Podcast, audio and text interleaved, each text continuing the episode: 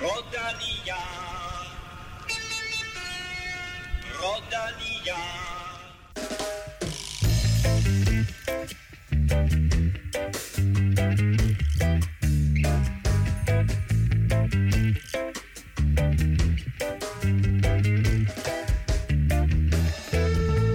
Er slovensk på toppen af verdenscyklingen, og det blev slået fast med 7 tommer søm i sidste uge, da Pog og Rock vandt hver deres etabeløb. Desværre blev det for en gang skyld ikke til nogen danske sejre i det internationale cykelcirkus, men derimod blev flere danskere ramt af både sygdom og styrt. Værst gik det ud over Magnus Kort, ham kan du høre fra lige om lidt. Og med det velkommen til Stefan Johus. Fordi uh, Kim Plesner, han er ikke med os i dag. Han er taget til La France, men øh, du kan faktisk høre fra ham uh, lidt senere. Det kommer vi tilbage til. Men uh, Stefan, det er da godt, at uh, jeg er her til at holde skib i søen, sådan som, uh, som I to I rejser rundt. ja, men altså, det er jo ikke sådan. uh, Jeg kan, det er lidt svært at styre. Jeg har jo både været syg, og så uh, var jeg på vej hjem fra London, men så blev... Uh, så blev flyet jo lige pludselig udskudt og sådan noget, så, uh, så man skal jo holde sig til her, her i podcasten. Ja, altså, jeg, jeg, jeg hører flere undskyldninger fra dig, end, end øh, fra en cykelrytter, der er blevet overhalet i en spurt. Ja, det er det. Men altså, det er du jo har haft god... mange år at øve dig på. Ja, ja, men det er det er jo god, øh, det er ligesom vi, vi plejer at træne øh, ude på, ude på AB's baner her i, her i København. Øh, der bliver ikke ventet på nogen. øh, vi, har, vi har rigtig mange ting, vi skal tale om i dag. Vi skal omkring uh, Paris-Nice, vi skal omkring Tirreno Adriatico, og så naturligvis kigge frem mod weekendens første monument, Milano Sanremo. Øh, Opvarmningsløbet, legendariske Milano Torino, det er lige slut. Øh, du får øh, resultatet lidt senere i udsendelsen, men vi kan da røbe, at der var sådan lidt dansk succes. Og så køres Nokkerkors for herre lige i øjeblikket. Det resultat, det har vi også til dig til sidst. Vi skal naturligvis quizze. Vi skal uddele en kop til en af alle jer dejlige mennesker, der støtter på tier.dk. Uden jer, ingen podcast. Tak til alle jer, der har været med i lang tid. Og velkommen til Kasper og Thomas. Det er de to nye støtter, der er kommet til siden sidst. Velkommen til, og der må I andre altså godt lige komme lidt op i gear. Mit navn er Claus Elming. Du lytter til Velropa Podcast, præsenteret i samarbejde med HelloFresh og Zetland. Men vi åbner denne udsendelse med en lidt ærgerlig nyhed, for forårssæsonen er så godt som ødelagt for danske Magnus Kort. Han styrtede på sidste etape af Tirreno Adriatico, og det kostede ham et brækket kravben, Stefan. Ja, desværre. Jeg, synes, jeg havde egentlig håbet, at uh, han ville komme med til Milano, Sanremo, men uh, han har godt nok været uheldig først med, med sygdom uh, ud af El Gran Camino løbet, uh, og så styrt... Hvor han jo vandt første etape. Ja, vandt første etape udgår med sygdom, styrter lige en rundkørsel i, i, i Terreno Adriatico, og så slutter han lige løbet af med at, med at brække kravbenet, så ah, det, det er altså ikke så godt. Det er, det er vildt ærgerligt. Jeg fik en uh, snak med Magnus Tirsdag, hvor han trods omstændighederne var ved godt mod. Magnus Kort, tak fordi du har tid til at være med i Velropa podcast. Jamen, det er så lidt. Der er Milano Sanremo på lørdag, og vi havde jo håbet på, at du skulle være et af vores danske S'er, men sådan kommer det ikke til at gå. Nej, det gør det desværre ikke. Jeg er blevet ramt af, af det ene uheld efter det andet, og, øh, og nu der spillet sat den fuldstændig uh, stopper for lidt med, med et brækket kravben. Tag os lige igennem det brækket kravben. Det er sidste etape i Tirreno Adriatico. Hvad sker der? Jamen, jeg har ikke kørt så langt. Jeg tror, vi er kun en... Uh, vi har kørt den neutrale og en, en kilometer ind på, uh, på, på etappen. Øhm, og der er fire mand, der prøver at komme udbrud, og, og vejen bliver egentlig spærret af, så vi kører ikke så hurtigt, og, og kommer så til en, øh, en rundkørsel, hvor jeg kører på, øh, på højre side, så normal vej rundt i, i rundkørselen, ligesom en, helt inde i, i indersiden. Øhm, og, og de styrter lidt, lidt længere frem i feltet. Jeg sidder i, hvad skal vi sige, øh, fjerde, eller tredje eller fjerde gelede, tror jeg. Øh, og, og cyklen glider også bare under mig. Øhm, men øh, så selvom vi ikke kører særlig stærkt, fordi at, at vi nærmest sidder med, med på, øh, de sidder op fra forkert vej, så, så var det alligevel hurtigt nok til, at, at cyklerne smutter. Øh, men det var en, en, en meget glat rundkørsel lige, lige der, fordi øh, at faktisk havde udbrudt, det, det var også væltet, øh, selvom de bare sad øh, 10 sekunder foran os. Øh, men, øh, men sådan er det, så jeg, jeg mig ikke så meget, fordi jeg ikke kører hurtigere, men, øh, men så nogle gange lander man lidt hårdere, når man øh, lander lige ned i stedet for, øh, i stedet for at glide langs på vejen. Kunne du mærke med det samme, at det var galt? Øh, nej, der, jeg tror, der gik øh, to minutter, øh, så sagde jeg, at, at den var, var gal. Jeg havde øh, først lægebilen og så ambulancen ved mig øh, lige med det samme, fordi øh, jeg faktisk havde, der skårede mig øh, hen over øh, næsryggen, så, så jeg blødte ret meget. Så derfor øh, var der øh, læge omkring mig, og, og, og jeg var ved at blive, skulle sættes ind i ambulancen for at se, om, øh, om jeg skulle syges. Øhm, så løbet var, var, var kørt, og, og Matti havde øh, lige sagt, at han sad i bilen og, og var ude, og, og, og vi snakkede godt sammen, og jeg sagde, ja, nu, nu kunne jeg ikke mere. Jeg synes, jeg havde lidt nok i, i det cykelløb der, og så de satte cyklen på taget og kørte videre, og, og så sagde jeg til dem i ambulancen nu, jeg tror også, at vi skal, skal kigge på gravbenet. er I er simpelthen nogle hårde bananer i cykelrytter. øh, Magnus, det var, ikke, det var faktisk ikke det første styrt i Tirreno Adriatico for dig. Nej, det var det desværre ikke. Øh, jeg røg ned et, et par dage øh, tidligere også. Øh, faktisk også, også i en rundkørsel, hvor jeg glider, men, men, øh, men der kørte jeg øh, lidt, lidt, lidt hurtigere og, og i solostyret. Øh, så det, det havde jeg. Det er fint. det er ikke noget, der, der sker mange gange i min karriere. Øh, det er ligesom altid de værste styrt. Det er der, hvor man selv er, er, er skyld i det. På en eller anden måde, ikke? fordi så, så har man jo lavet en kørefejl, øh, selvom at, at der kan være glat, eller kan være grus, eller våd vej, eller altså som, hvis, hvis man rykker sig selv på røven, så, så skulle man bare have været mere vågen, ikke? Og, og, og kørt på en anden måde. Og jeg ved, du synes sådan helt bogstaveligt, at det her, det var faktisk et lorteløb. Ja, det var det, fordi øh, jeg havde også, øh, også nogle, nogle maveproblemer. Jeg må faktisk af og, og, og ind i nogle, nogle buske for, for første gang i, i min karriere. Øh, jeg tror, det er noget, der, der er mange cykelrytter, der, der prøver i løbet af, af karrieren, at man simpelthen får så dårligt med, at man ikke kan, kan holde sig. Og jeg snakker med, med Valgren, som, som jeg ved, øh, at han har prøvet at være af for i, i cykeløb, og jeg var nede med ham og snakke. Jeg vidste ikke, jeg synes godt nok, jeg havde ondt i maven. Øh, og, og det var langt, jeg tror, jeg skulle køre 215 km. Og hvis man så efter 100 km sidder der og, og ikke kan holde sig ved, så, ja, ej, så måtte jeg, øh, må, må, måtte jeg give mig, og, og jeg havde trods alt lige overskud til at køre ned til, til bilen og, og få dem til at, at give mig noget papir, og vi havde heller ikke mere travlt, end jeg godt lige kunne, kunne nå at tørre mig et par gange. Men, øh, men man kommer hurtigt langt efter, inden man får trøjen og seler af, og radioen sidder af og på igen. Jeg er lidt imponeret af, hvordan øh, damerne de kan, de kan nå at tisse. Det er jo, det er jo samme show med at få, få alt tøjet af på igen. De, de har mere rutine, end vi har. Ja, det, det tror jeg. Det tror jeg, fordi jeg, jeg tror ikke, ikke, jeg vil gøre det godt i damefelt, hvis, hvis, hvis jeg skulle bruge sådan to minutter for at få tøjet af på hver tis.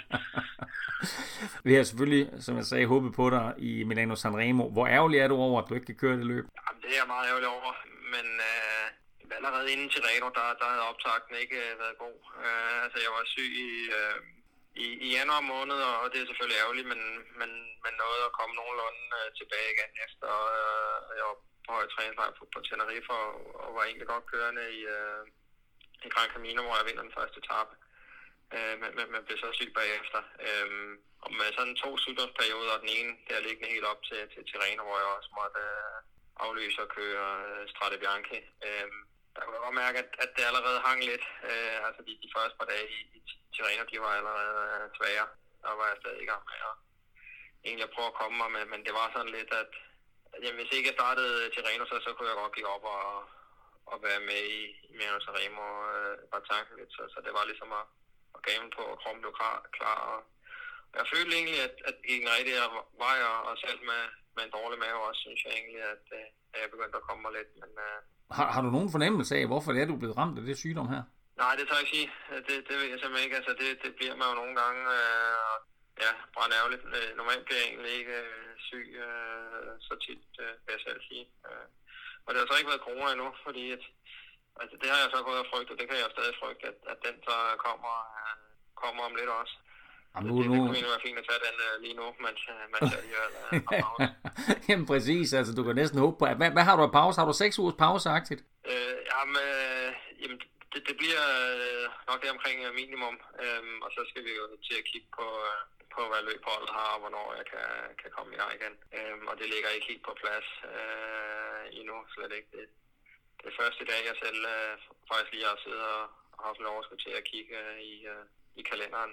Er der bekymring hos dig for, at de Tour de France det er i fare? Nej, det er der ikke. Der, der er, er lang tid til, til, til turen, og, og, og der skal jeg nok nå at, at komme tilbage og, og også være i god form til altid, så længe der ikke sker flere uforudsete uheld. Skal du have støttehjul på? det, det håber jeg. Uh, jeg burde det. Jeg tror sidste år, uh, er jeg næsten ikke sikker på, at jeg var nede. Så uh, og forhåbentlig kan, kan jeg finde øh, tilbage i, i den balance igen. Hvis du finder et par billige, kan du ikke købe et par til mig også så? Ja, det, det vil jeg se, om vi kan få et, et par sæt på, på Tølmer. Magnus, du kørte nogle forrygende enkeltstarter sidste år, og øh, turen i Danmark lægger ud med en enkeltstart. Er det sådan noget, som du tænker på og taler i danskere om den enkeltstart? Ja, det gør vi da helt sikkert. Øh, altså, det, det, bliver jo, altså bare i sig selv, er det jo øh, spændende at komme ind og køre i, i københavnske gader. Men jeg tror ikke, ikke det er en engelskstart, der ligger så godt til mig. Den er, den er for kort, og så tror jeg også, at øh, engelskstarterne, når man kommer lidt længere ind i topløb, og folk er, er trætte, at, at det er der, at, øh, at jeg begynder at, at kan gøre det specielt godt.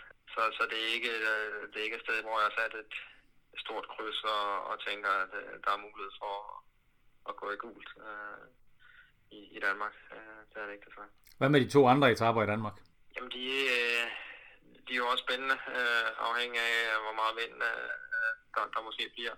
Og jeg, jeg tror stadig her på EF, at, at de øh, arbejder lidt med, med planen og meget klassement, øh, der skal køres. Øh, så det afhænger helt sikkert af, af det, hvad, hvad, hvad min rolle øh, kommer til at blive også.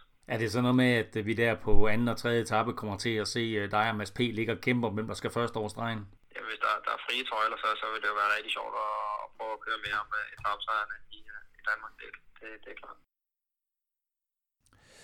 Det er enormt ærgerligt for kort, som øh, vi vil med rette godt kunne have håbet på noget stort fra i Milano Sanremo.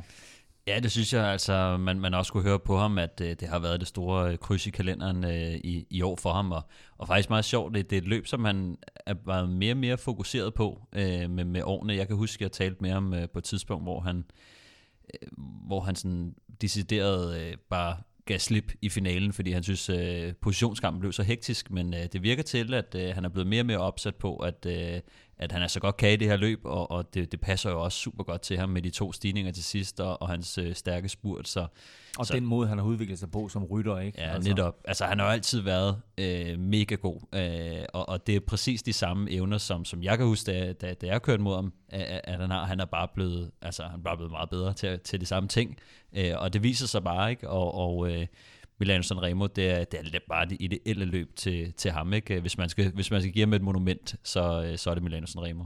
Jeg kan lide den måde, du lige name-dropper dig selv der på. Det er også så, så vidt jeg kan, så gør jeg det. Han var selv lidt i tvivl om, hvad, hvad forårskalenderen den nu kommer til at byde på. Hvad håber du for ham? Jamen altså, det er klart, han må være ret øh, nedslået lige nu, og, og der er nok øh, et par øh, spørgsmålstegn, både i forhold til, øh, hvordan øh, heler han op, øh, og øh, altså sådan, hvordan fungerer det, når han kommer tilbage på, på cyklen. Ikke?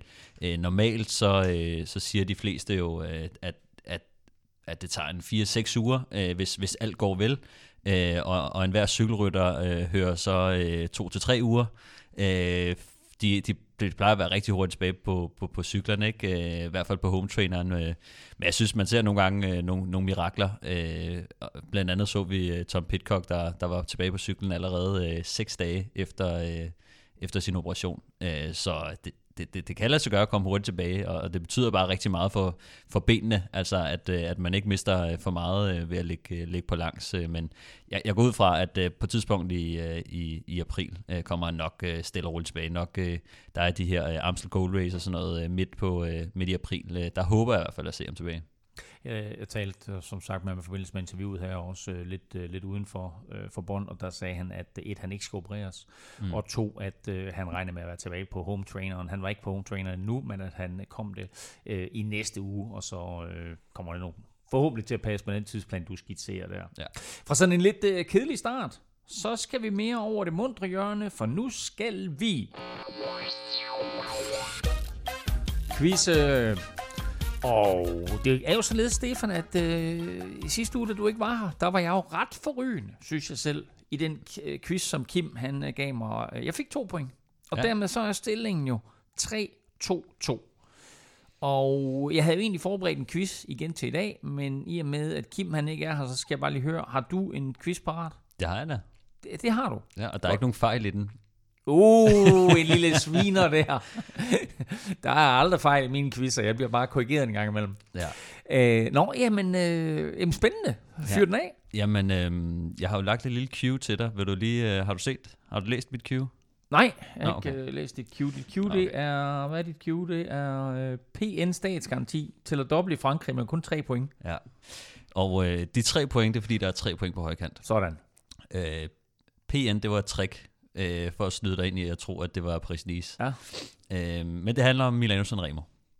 Okay. Øh, sidste år, der vandt Jasper Jasper Stuyven. Stuyven.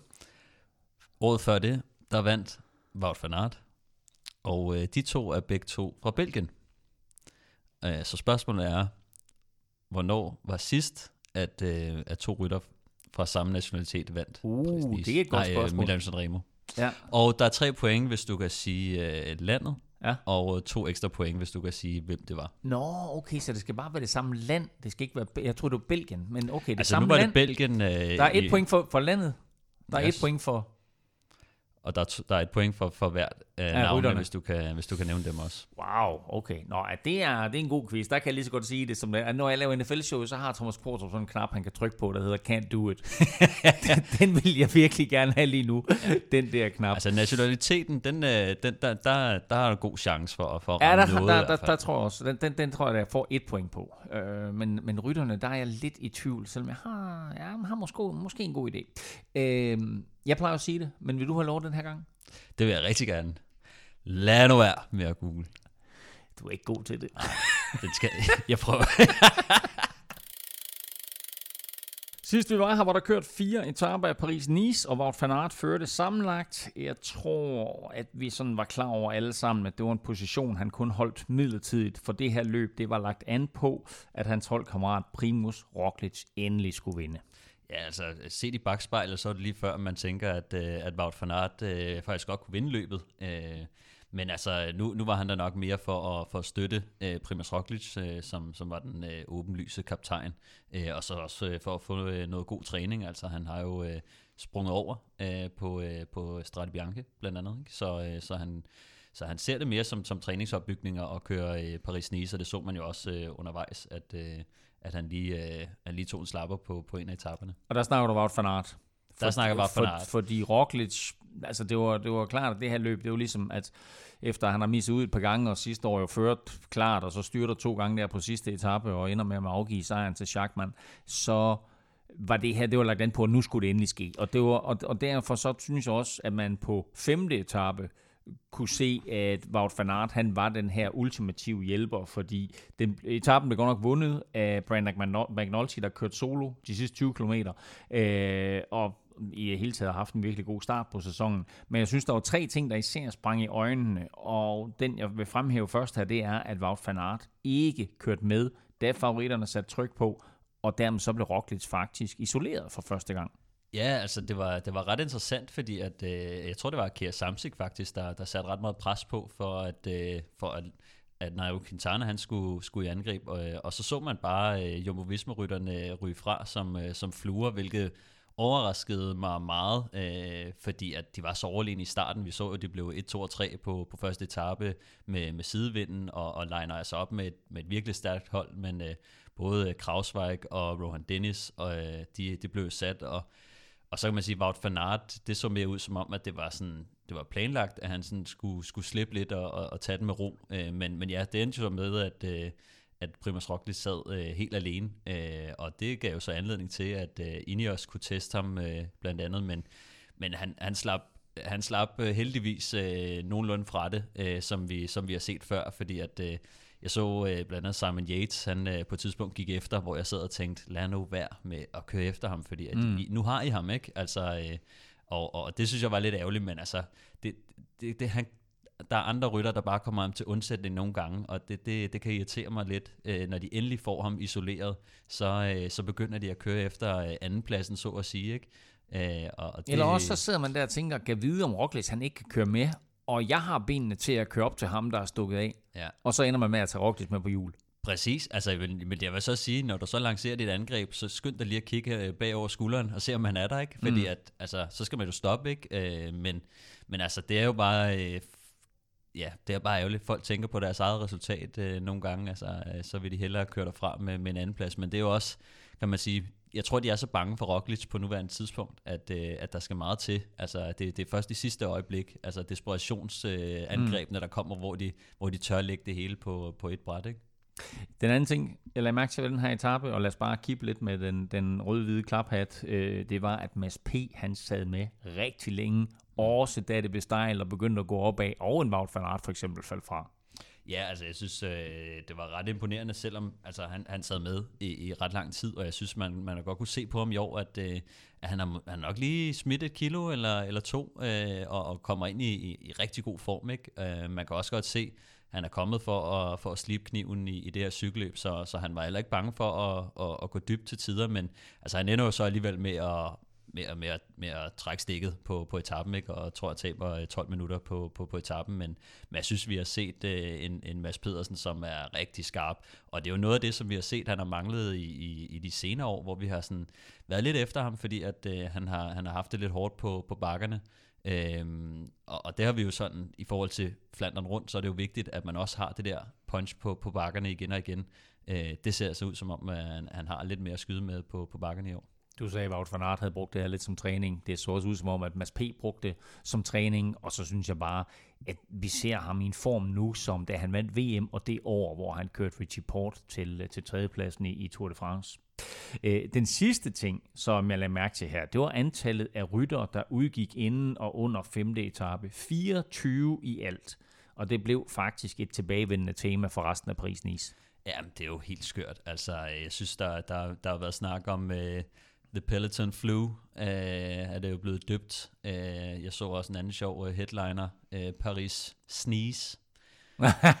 Paris Sneeze, ja, Paris den er god. Sneeze. Paris øh, Sneeze, ja, den, den er virkelig god. Det var sjov. øh, men ja, altså jeg tror simpelthen, jeg tror simpelthen bare, det er et tegn på, at øh, nu er der altså blevet åbnet op igen, og, og folk øh, mødes jo fra, fra nær og fjern øh, til et cykelløb, og de bor jo på samme øh, hoteller, samme buffeter, Øh, altså, det er jo sådan, at øh, så, så bor der øh, mellem 3 og 10 hold på det samme hotel, eller efter hvor, hvor, hvor stort det er. Ikke? Så, så de bliver jo lukket ind tæt, og så er et, et felt jo også bare noget af det mest øh, beskidte, altså hvor der bliver snottet og spyttet og hostet over det hele. Ikke? Så, så de kommer hinanden ved, øh, og, og det tror jeg simpelthen har været en, en, en smittespreder.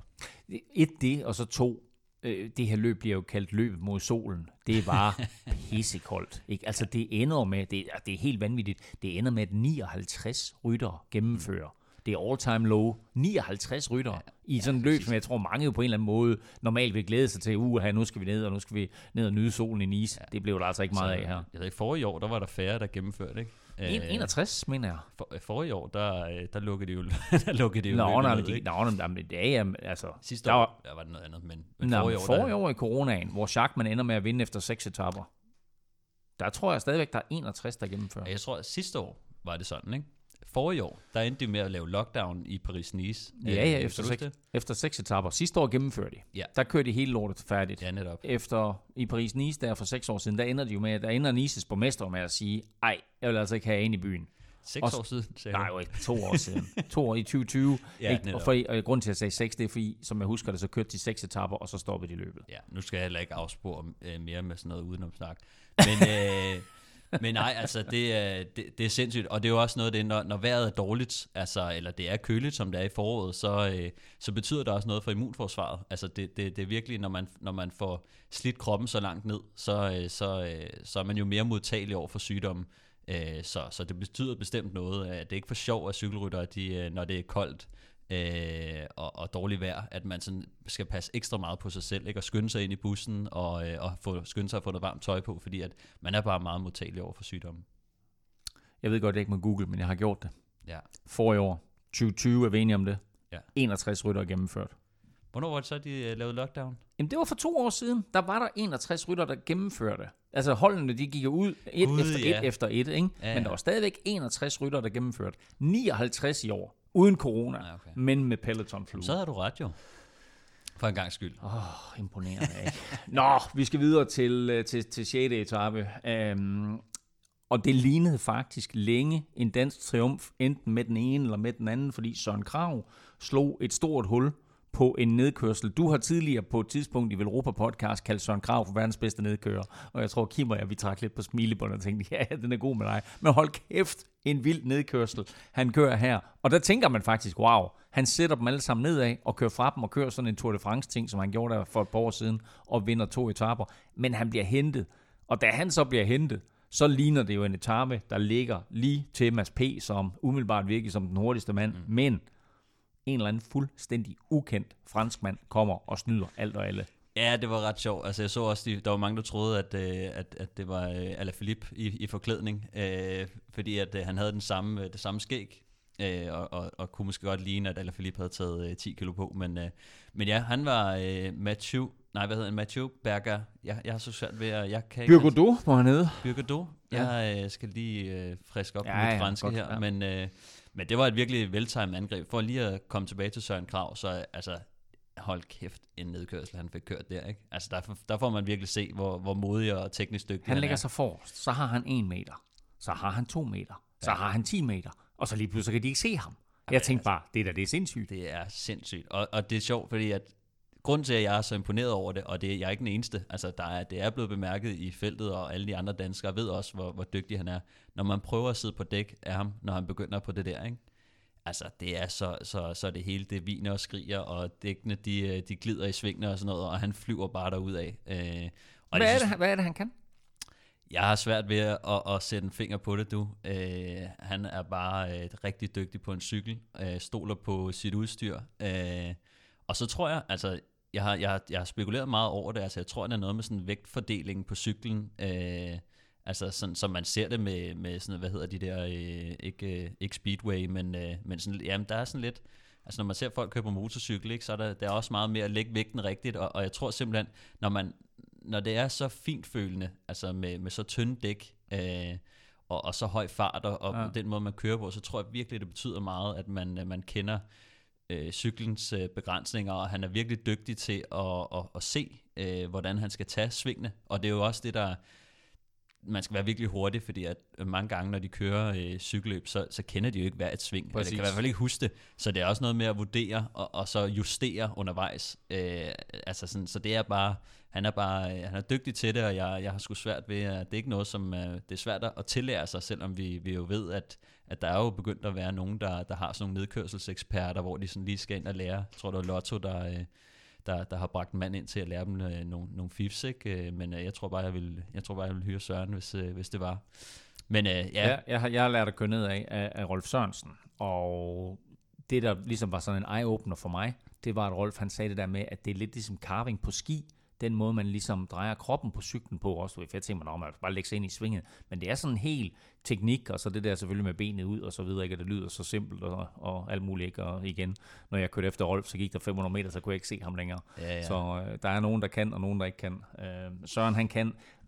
Og øh, vil du sige noget? Jamen, det vil jeg, altså bare for at tage den videre, nu, nu snakker vi meget om Søren, men øh, det, det komiske i det hele var jo, at, øh, at da han så kører nedad, der sidder øh, hans sprinter, Case Boll, øh, ned bagerst og, og, og, og hænger på, fordi han er jo lige kommet med over toppen og tænker, nu skal han lige øh, øh, køre, sig, køre sig frem i bussen og, og gøre sig klar til en spurt. Øh, men der bliver sat så hurtigt tempo af Søren, at, øh, at han simpelthen bliver læst ud af bagenden øh, på, på nedkørselen. Øh, så altså, og, Men, jamen, altså, der var lidt kritik øh, fra, fra forskellige kanter omkring det her, om det var en fejl af Søren at, at køre den nedkørsel, som han, gjorde, han kørte, fordi et så blev hans sprinter Kees Bol sat igen, efter han, som mm. du siger, med nød og næppe havde kæmpet sig op over toppen. Men ham Andreas Lægnesund, som han også kørte på hold med, som var sådan lidt en klassements øh, outsider i ja. det løb her, han bliver også sat. Ja. Øh, så var det en fejl af Søren, eller, eller hvad, hvad, hvordan vurderer du det? Øh, set i bagspejlet, så, så er det selvfølgelig en fejl, øh, men øh, i, i kampens hede, øh, og som Søren er mentalt, altså øh, når, når han er switched on i sådan en cykelløb, så, øh, så fyrer han den af, og så øh, kan man sige, altså han er jo en, en egoist og en vedløber, som man skal være det, altså hvis man skal vinde. Øh, så, øh, så, så altså, jeg har ikke nogen kritik til ham øh, på den måde. Jeg synes, det var et, et, et godt, øh, godt skud efter etappen. Øh, men altså, som det ender ud, så, øh, så selvfølgelig er, det en, er det en fejltagelse, at, at, Altså, men, men vi vidste jo ikke på det tidspunkt, at han ville blive hentet, vel? Uh, så, Nå, det sker jo af til, men altså, der må ja, man... Altså, jeg vil også sige, Søren Krav lå godt til i klassementet på det tidspunkt. Uh, Andreas Lignesund, uh, 22-årig, uh, altså, det er ikke fordi, at han... Jeg tror, at de havde håbet på, at han kunne, og han har nok fået en fri rolle, men jeg tror ikke... Altså, det har jo ikke været sådan, at de skulle køre for hverken Case Boll eller for Lignesund på dagen, og når, når, når man så får den besked, så, så, så, så skal man jo som Søren Krav ikke tænke på dem, så skal man bare tænke på, jeg, jeg kører nu, jeg, jeg, har, jeg har gode evner på nedkørsel og, og gode ben, ikke? Mm. Så, så på den måde synes jeg, det, det er fair nok.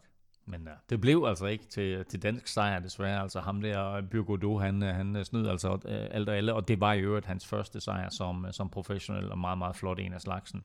Øh, syvende etape lørdag øh, skulle vise sig at blive afgørende. Primus Roglic, han satte det hele på plads i overlegen stil op af Col de Turini. Øh, Simon Yates sagde efterfølgende, om, øh, på, øh, om, øh, om Roglic. Uh, when he's in second gear, he's not even breathing, and everyone, everybody else is panting like they're on their deathbed. uh, det blev der tolket lidt på fra alle mulige sider. Uh, hentydede Simon Yates til noget her? Altså, det, det er sgu svært at sige. Uh, jeg synes, at uh, faktisk uh, Lars B., uh, han, uh, han skrev på, på Velropas uh, tweet, noget, som, som jeg egentlig er, er lidt enig i. Uh, han sagde, at når en rytter siger sådan, så er det sjældent ubetinget ros. Uh, og og det, det, det kunne jeg egentlig godt føle, at, at sådan, når man siger sådan noget velvidende cykelsportens historie, øh, så, så ansporer man jo til et eller andet, altså synes jeg. Altså det virker i hvert fald sådan, eller det kan tolkes sådan. øh, om det var det, han mente, det, det er jeg ikke helt sikker på. øh, og jeg så også øh, Søren Rets øh, kommenteret på det øh, som jo var dernede, og han sagde jo også, at han, han, øh, han, han kunne ikke mærke en fli af mistænkeliggørelse. Mm. Øh, så jeg tror ikke, at det er sådan, men, men altså, hvis man, øh, hvis, man, hvis man kender lidt til, til kommunikation og, og ved, hvad, øh, hvad, hvad de her ord betyder, så, så er det jo umuligt, at, at, at det bliver tolket sådan af nogen i hvert fald. Ikke? Øh, men altså, vi må også bare se, altså prøv at høre, altså Simon Yates kan være i en situation, hvor han bare er så imponeret over Roglic, han siger, hold kæft mand, du ikke, altså vi andre, vi, vi sidder på pumperne, ja. og han blæser bare afsted. Jo, og det kan man sagtens sige i en kammeratlig tone øh, til hinanden og til andre cykelrytter og sådan noget, ikke? Øh, men altså, når man siger det til, til medierne, altså øh, på den måde, øh, når man også ved, at Roglic er så imponerende, at der er mange, der spekulerer i, i sådan nogle ting, ikke? Så, mm. så jeg tror jeg bare, at der er mange, der, der misforstår det lidt. 8. og sidste etape var kort, blot 119 km, men med fem kategoriserede stigninger. Vi elsker Michael Mørkøv, men øh, inden etappen, der synes jeg, eller der røg han lidt i ballade, fordi han fortalte, at han ikke havde til hensigt at gennemføre den sidste etape, men nok sådan ville køre frem til den første stigning, og så finde den første afkørsel tilbage til Nice og komme ind i en dejlig varm bus. Ja. Er det ok at stå på startstregen og indrømme, at man har tænkt sig at stå af på den sidste etape, der er på 119 km? Ja, men jeg synes simpelthen, det var, øh, det var sjovt, fordi at øh, det var så ærligt øh, et svar, øh, at det nærmest, altså sådan, det er jo noget, som der er ikke nogen, der sådan rigtig tør at sige. Øh, men, men Mørke, han siger det nu alligevel, og jeg synes, det var sjovt at høre. Vi, så, vi har hørt både Rolf Sørensen i, i studiet og Emil Vinjebo, øh, de var jo sådan lidt, ah, vi synes, man, vi synes, at skal køre færdig og sådan noget, ikke? Øh, det er jo sådan, man gør. Øh, og det er jo også sådan den rigtige vedløber-mentalitet.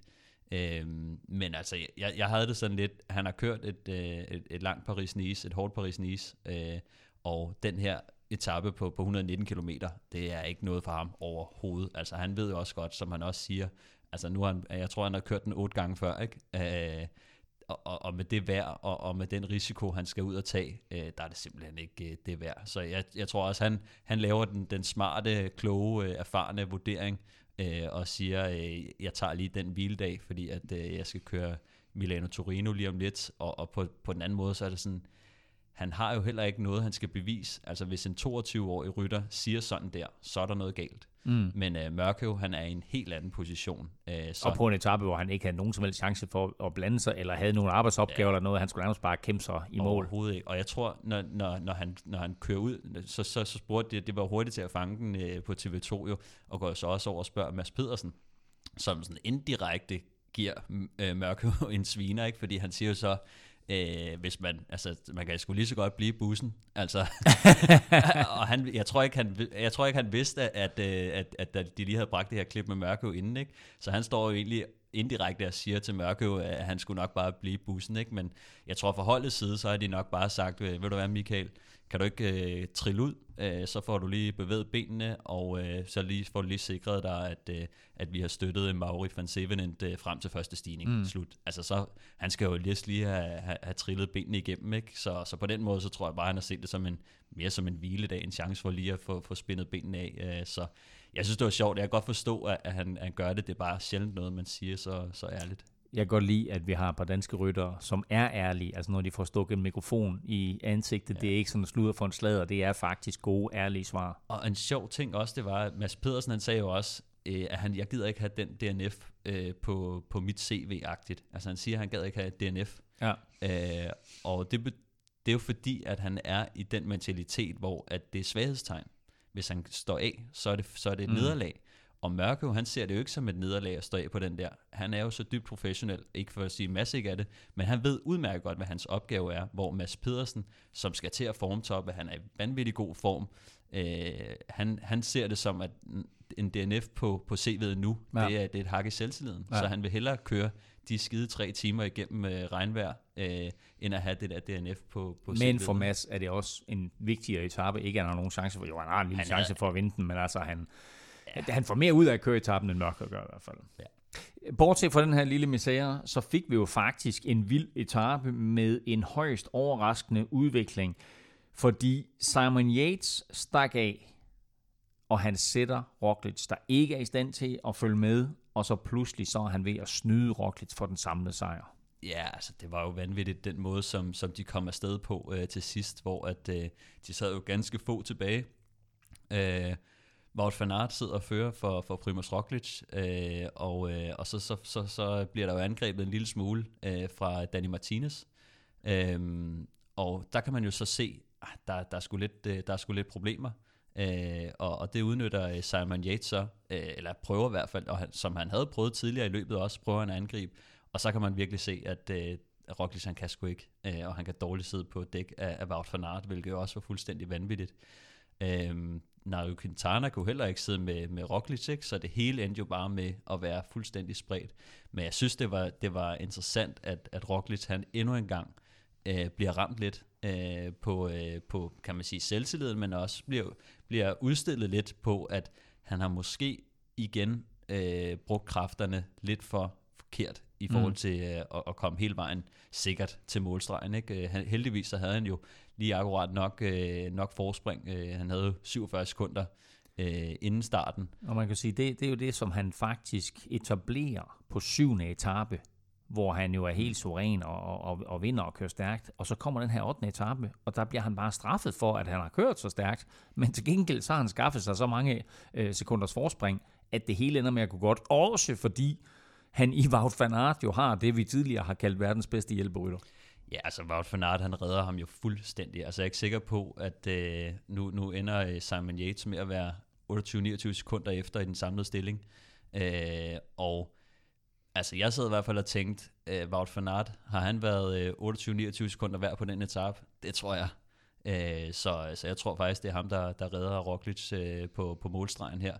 Øhm, og, og, og Wout van Aert kørte jo også for etappesejren, ikke? Så, så på en eller anden måde, så, øh, så, så måtte han jo også ofre lidt øh, sin, øh, sine egne øh, ambitioner om en tabsejr, øh, hvilket også havde været fuldstændig vanvittigt, hvis han skulle vinde den her bjergetab.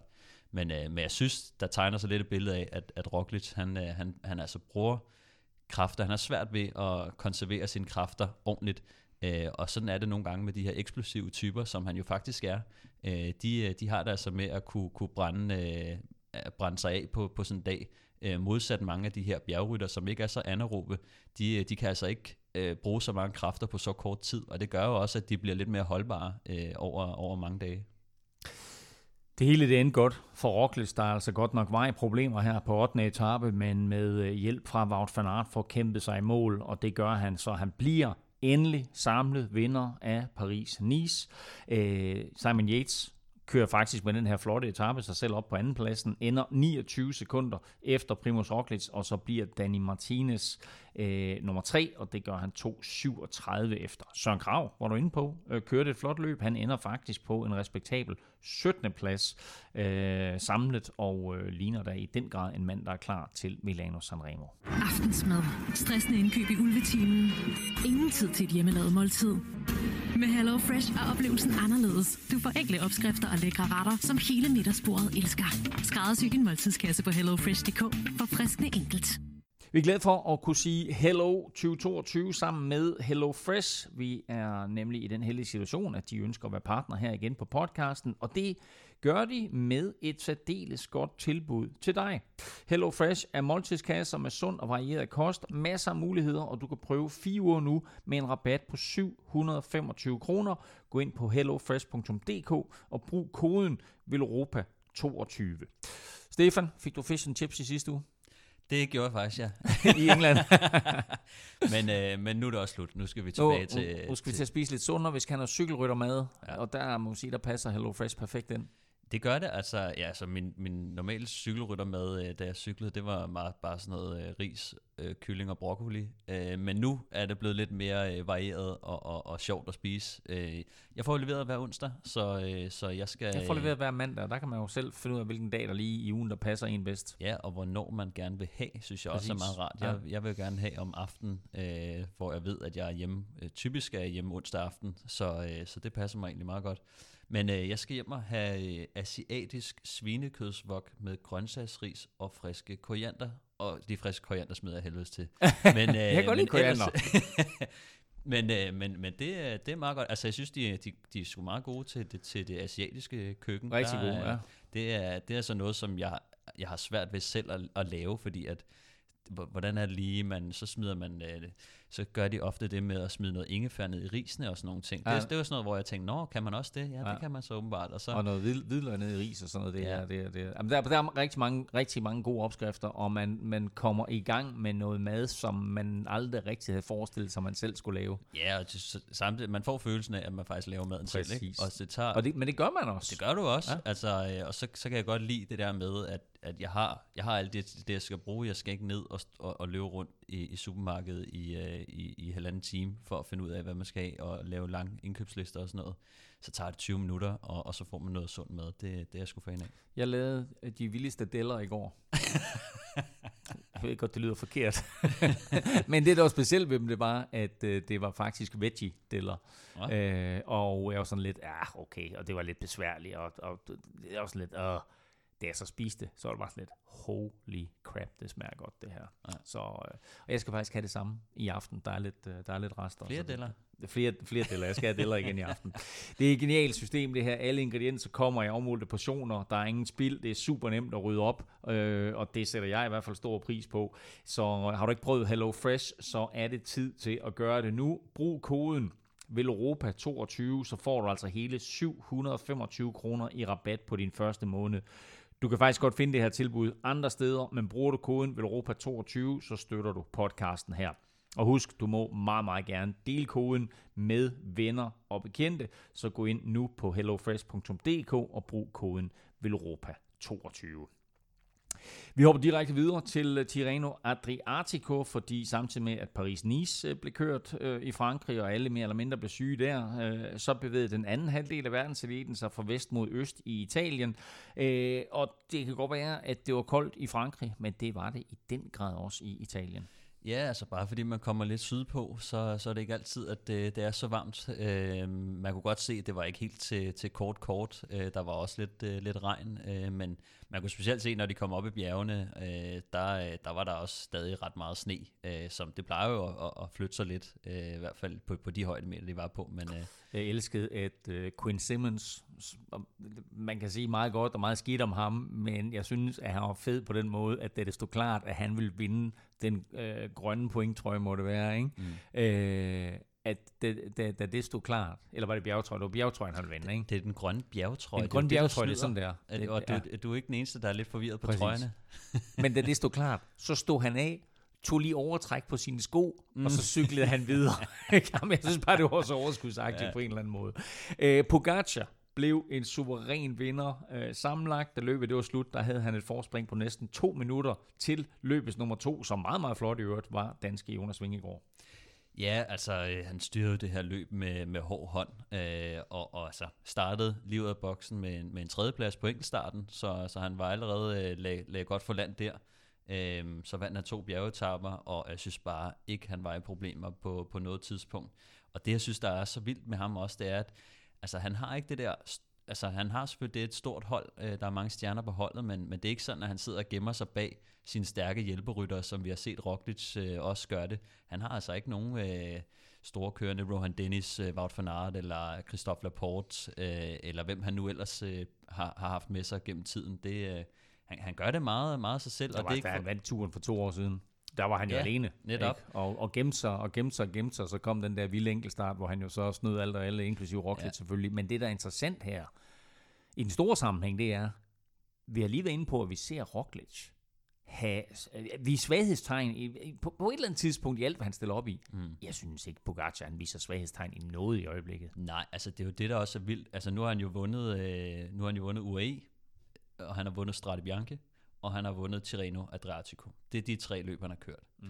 Uh, han har vundet alt i år, og, og det som vi ser ham. Og en anden ting, jeg også synes, der var sjovt, det var faktisk Kim, uh, der, der nævnte den, så, så det skal man måske lige tage med, med et græns salt. Men han sagde jo også, at når, Rock, nej, når Pogacar først er i føretrøjen, så, så er det ikke sket, at der er nogen, der har taget den fra ham.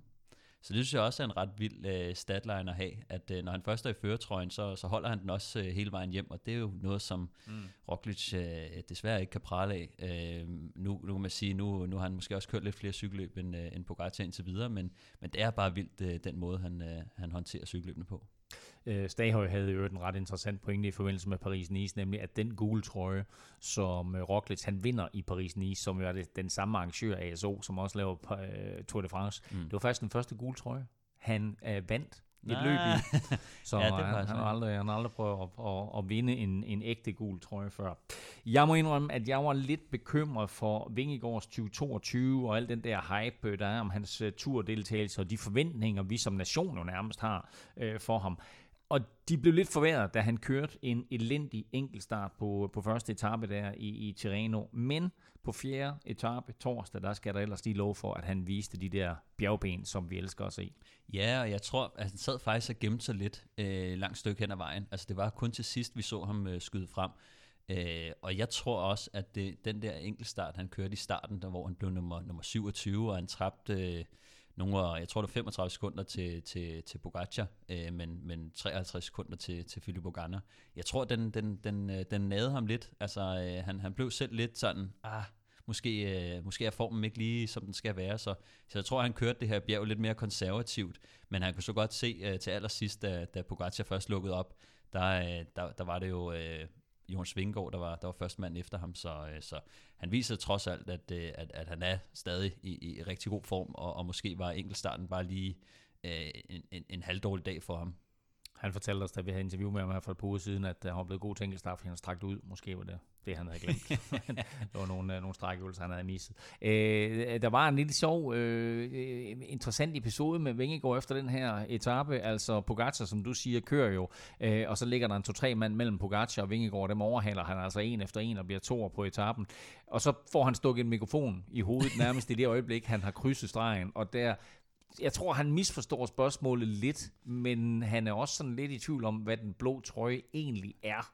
Ja. Øh, fordi han bliver spurgt, og journalisten spørger ham, øh, er du glad for, at du kommer lidt tættere på den blå trøje? Ja. Øh, og, og det, det, det bliver han forvirret over. Ja, han siger jo, øh, og der, den blå trøje, hvad, ligesom hvad er jeg var forvirret over den grønne trøje, om det var point eller det var bjergetrøje, ikke? Ja, det er så, så bjergetrøjen her. Ja, præcis, men den blå trøje er jo så føretrøjen ja, i Tirreno Adriatico. Det er det, og øh, den, den øh, er han ikke lige med på, og, og det, det er jo lidt sjovt at, at se ham, øh, og så siger han også, øh, hvad, hvad er det nu, han hedder? Hvad er det nu, han hedder? Øh, Gunner, ja. øh, og, og altså, jeg vil sige, jeg, jeg kender den følelse, altså når man, når man øh, man tænker altså bare ikke klart, når, øh, og, og man kunne se, at han var stadig mega forpustet, da han lavede det interview, ja. ikke? Så, så jeg tror bare, han var lidt omtumlet, men det blev altså, det blev altså meget sjovt. Og, det gik lidt viralt. Der var, der var lidt flere af de andre rytter, så jeg blandt andet Wout van Aert også, der var ude og lave lidt sjov med ham øh, og, og poste nogle billeder, hvor han siger, øh, sådan her ser trøjen altså ud, når vi, når vi kommer til turen. Ikke? Øh, ja. Så, så det, det var lidt sjovt. Ja. Øh, Vingegaard bliver toer på etappen her. Det gør han faktisk igen på 6. etape, og han bliver også toer, som sagt, i løbet samlet. Han sagde, da øh, de syv etapper er færdigkørt i, i Tirreno her, at han godt er klar over, at medierne undervurderer ham, øh, og at han var glad for at klare presse fra holdet. Mm. Det synes jeg var sådan en lidt interessant udmelding. Hvad mener han med det? Jamen, jeg synes også, det er sjovt, og det, vi, vi har faktisk selv snakket lidt om det, altså øh, efter sidste år, at vi var sådan, nu blev han to i turen, øh, men det var ligesom om, vi, altså hvorfor var vi ikke mere hyped omkring det, altså, øh, og sådan tror jeg, det er den samme fornemmelse, som, som, øh, som, der, som, som medierne har, og, og dem, der sådan vurderer, øh, han er jo ikke helt regnet som den store udfordrer til, til, til Pogacar, selvom han jo med rette burde være det, øh, og, og han er ikke sådan stor favoritter til de løb, han stiller op i, Øh, så, så det tror jeg sådan, han godt selv, øh, det har han jo godt selv øh, lagt mærke til, at, at sådan, at, at han bliver altså ikke helt regnet som, som, som den store favorit. Øh, at, at de skal altså også lige over og snakke med, med mange af de andre store rytter, måske før de, de skal snakke med ham. Ikke? Så, så jeg tror, han føler sig lidt, øh, lidt overset faktisk. Men, øh, men, men det er lidt i medierne. Hvad, det er, medierne. hvad er det der med det pres, der er fra hans eget hold? Fordi nu har, nu har vi lige talt om, at Roglic endnu en gang viser svaghedstegn, og det er en dag i et etabløb, som i går sådan kun er på 8 dage. Mm. Øh, Vingegaard, ja, han kører en elendig enkeltstart, men altså jeg synes sidste år, der så vi ham køre et fremragende Tour de France, hvor han ikke havde en, en, en down-dag på noget ja. tidspunkt. Det, der synes, der er sjovt ved det, Nølve, det er, det er første gang, at holdet stiller op, hvor at Jonas Vingegaard, han er kaptajn.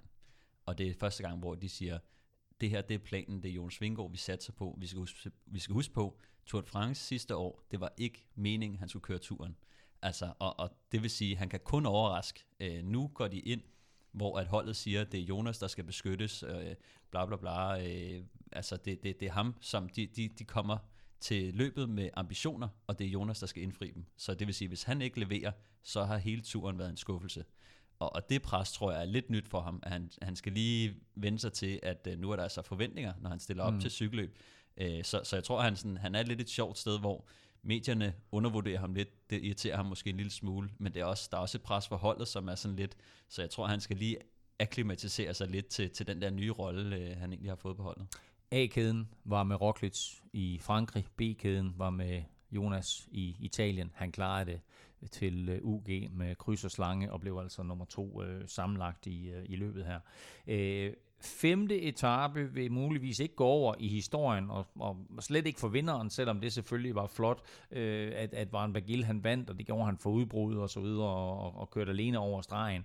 Men Bagil lignede også en mand, der var på nippet til at blive hentet, fordi øh, Remco, Evenepoel, angreb og det gik stærkt, og han havde Pogacar, og han havde Vingegaard på hjul, og der var fuld fart over feltet. Og så kører han Gud hjælp med forkert, og de to andre, de er fuldt med.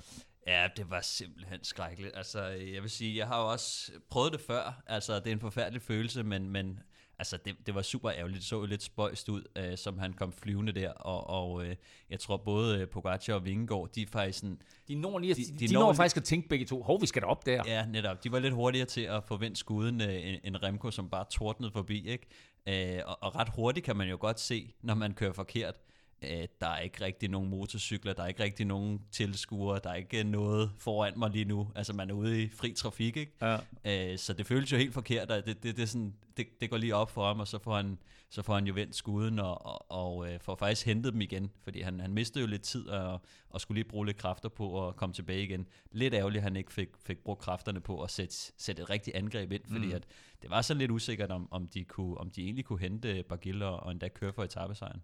Det, altså, det, det, det virkede til, at de måske i hvert fald havde en chance for at hente ham op af den sidste stejle stigning der. Nu blev det ikke, fordi, øh, fordi han dummede sig lidt Remko der. Øh, journalisterne vil selvfølgelig gerne tale med, med Remko øh, efterfølgende, men altså, øh, han vrissede sådan lidt af dem, og vi må bare erkende, at han har det sådan lidt svært, den unge komet. Det, det lader lidt til det. Altså, øh, jeg tror, der, der, der er et kæmpestort pres på, på ham. Han er jo stadig ikke så gammel, men har jo vist i en, i en næsten alt for ung alder, øh, hvad, han, hvad han har evner til. Og det gør jo bare, at, øh, at forventningerne er der fra, fra holdet, øh, fra hele Belgien, fra, fra cykelfans øh, verden over. Øh, der, der, de, de regner jo med, at øh, det her det er den nye af de mærks, der, der skal vinde Grand Tours og, og monumenter.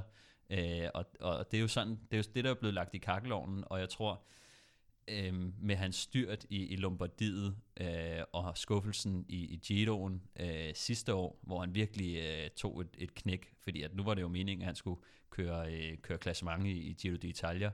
Øh, fuldstændig fænomenalt, at han overhovedet kommer til start og i den form og præsteret, men, men ender jo med at, at knække fuldstændig sammen. Øh, og selvtilliden tog også et, et ordentligt knæk, så, så jeg tror, at øh, han, han har det svært, når, når der opstår sådan nogle ting, hvor han kommer til at se lidt dum ud. Mm. Altså, øh, det, det, det, er jo, det er jo ikke sådan lige så professionelt, men, men man skal også bare huske, hvor, hvor ung han stadig er, ikke? Øh, og, og nu har man jo også hørt, øh, hvad hedder det, Patrick Lefebvre har været ude i sin, øh, sin egen klumme Bossen for Quickstep, Remkos boss, Ja, har været ude og sige om Remko. at han ikke er den næste Eddie Merckx, det er Pogacar. Det er en vild udmelding. Ja, At, han, at, sindssygt. at Lefebvre siger om en konkurrent, som ikke er belgier. Ja. Han siger, Remko, som er udråbt, siden han var 14 år gammel til at være den nye Eddie Max, han er ikke den nye Eddie Max. Pogacar er den nye Eddie Max. Ja. Det er en vild udmelding af Lefebvre. Ja, jeg ved, altså han er så sindssyg. De der klummer, han har i uh, Head, hvad er Head Latze News, tror jeg den hedder, ja. uh, der har han jo en, en klumme, uh, som han skriver en gang imellem, og uh, der siger han jo nogle vanvittige ting en gang imellem.